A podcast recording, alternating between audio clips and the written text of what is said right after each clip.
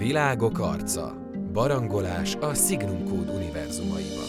A stúdióban Nagy Gábor, Szeltner Zsolt és Penke Bence.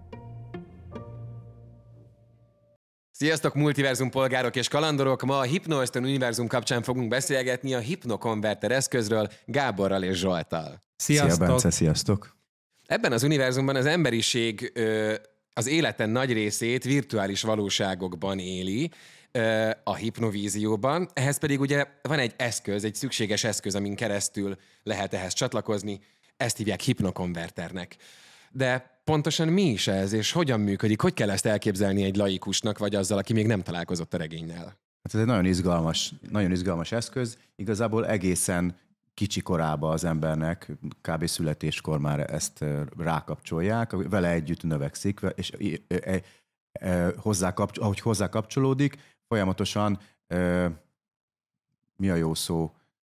Hát folyamatosan tanul, és nem, fizikailag növekszik, hanem az összetettségen. Tehát, hogy Konfigurálódik? Rá, igen, igen, rád Tehát hangolódik. há- hangolódik, ezt a szót keresem, közben ráhangolódik a, a, az adott térre, emberre. igen. igen, igen. Picit, amikor mondtad, hogy minden, hogy egészen pici korban már megkapják, és folyamatosan ott van, pici képzavarral és elviccelve, mint egy okos telefon, tehát azt is most már egészen 8-10 éves Igen, de, azt, korban de azt lecseréled két évente, ezt nem, ez folyamatosan végig. Tulajdonképpen ez alanyi joggal jár. Tehát ez nem, ezért nem kell fizetned, Igen. nem kell megküzdened, nem kell semmi. Ez a születéssel együtt jár itt már az embereknek. És éppen ezért már a hipnovízióban nőnek föl a gyerekek is, tehát hogy számukra az a tér, az a világ, amit ott tapasztalnak. Igen, hogy maga az eszköz pedig, hogy válaszoljak a kérdésedre, az egy, úgy lehet elképzelni, mint egy labdát, tehát egy kör alak, egy, egy gömb alakú. Bocsánat, hogy félbeszakítalak, csak azért fontos is, hogy te mondod, hogy így lehet elképzelni, hiszen a te kezed munkája, az, gra- hogy a hogy néz ki a munka, grafikai igen. A vizuális megvalósítása a megjelenés, hipnokonverternek, igen.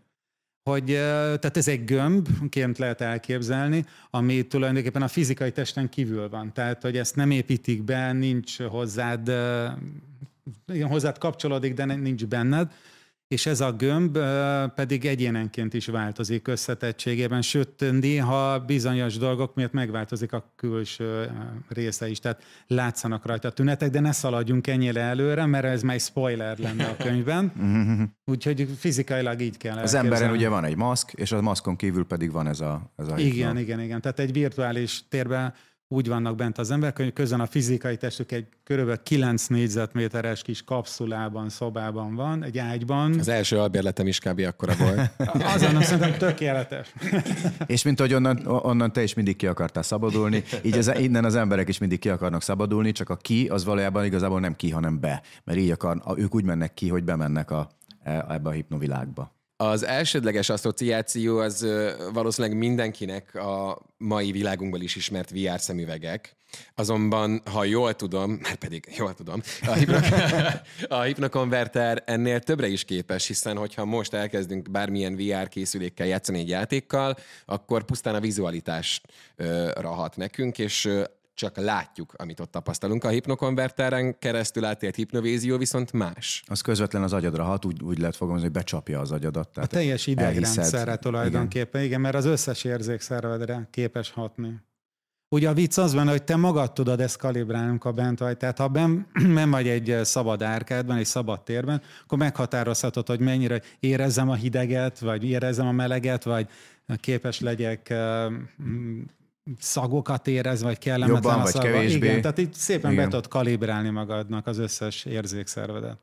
És ez a könyvben szépen le is van írva, hogy van egy hipnobarbiturát, vagy úgynevezett hipnolötty, aminek, ami a működési elvét segíti. Így van. Igen. Jobban, igen, ezáltal tud jobban működni a hipnokonverter. Tulajdonképpen anélkül még nem működne, nem működne jól, igen.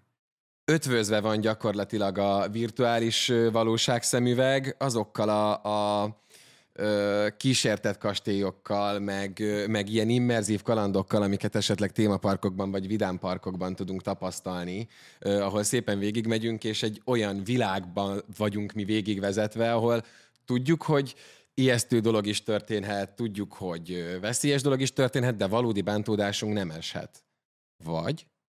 Árkádja válogatja. A legtöbb árkádban természetesen nem eshet semmilyen bajod, és nem érzel fájdalmat. De vannak olyan extra árkádok, mert egy idő után ugye rájön az emberre, hogy valami különlegeset akar érezni, valami különleges élménybe akar részt venni, és akkor létrehoznak olyan árkádokat, ahol nem nyúlhatsz minden paraméterhez. Tehát például a, a adott esetben a fájdalomérzetet nem kapcsolhatom ki, és akkor ettől már izgalmasabb lesz a kaland, hogy úgy kell végigmenni egy pályán, hogy hát azért megérzed, hogyha elrontod.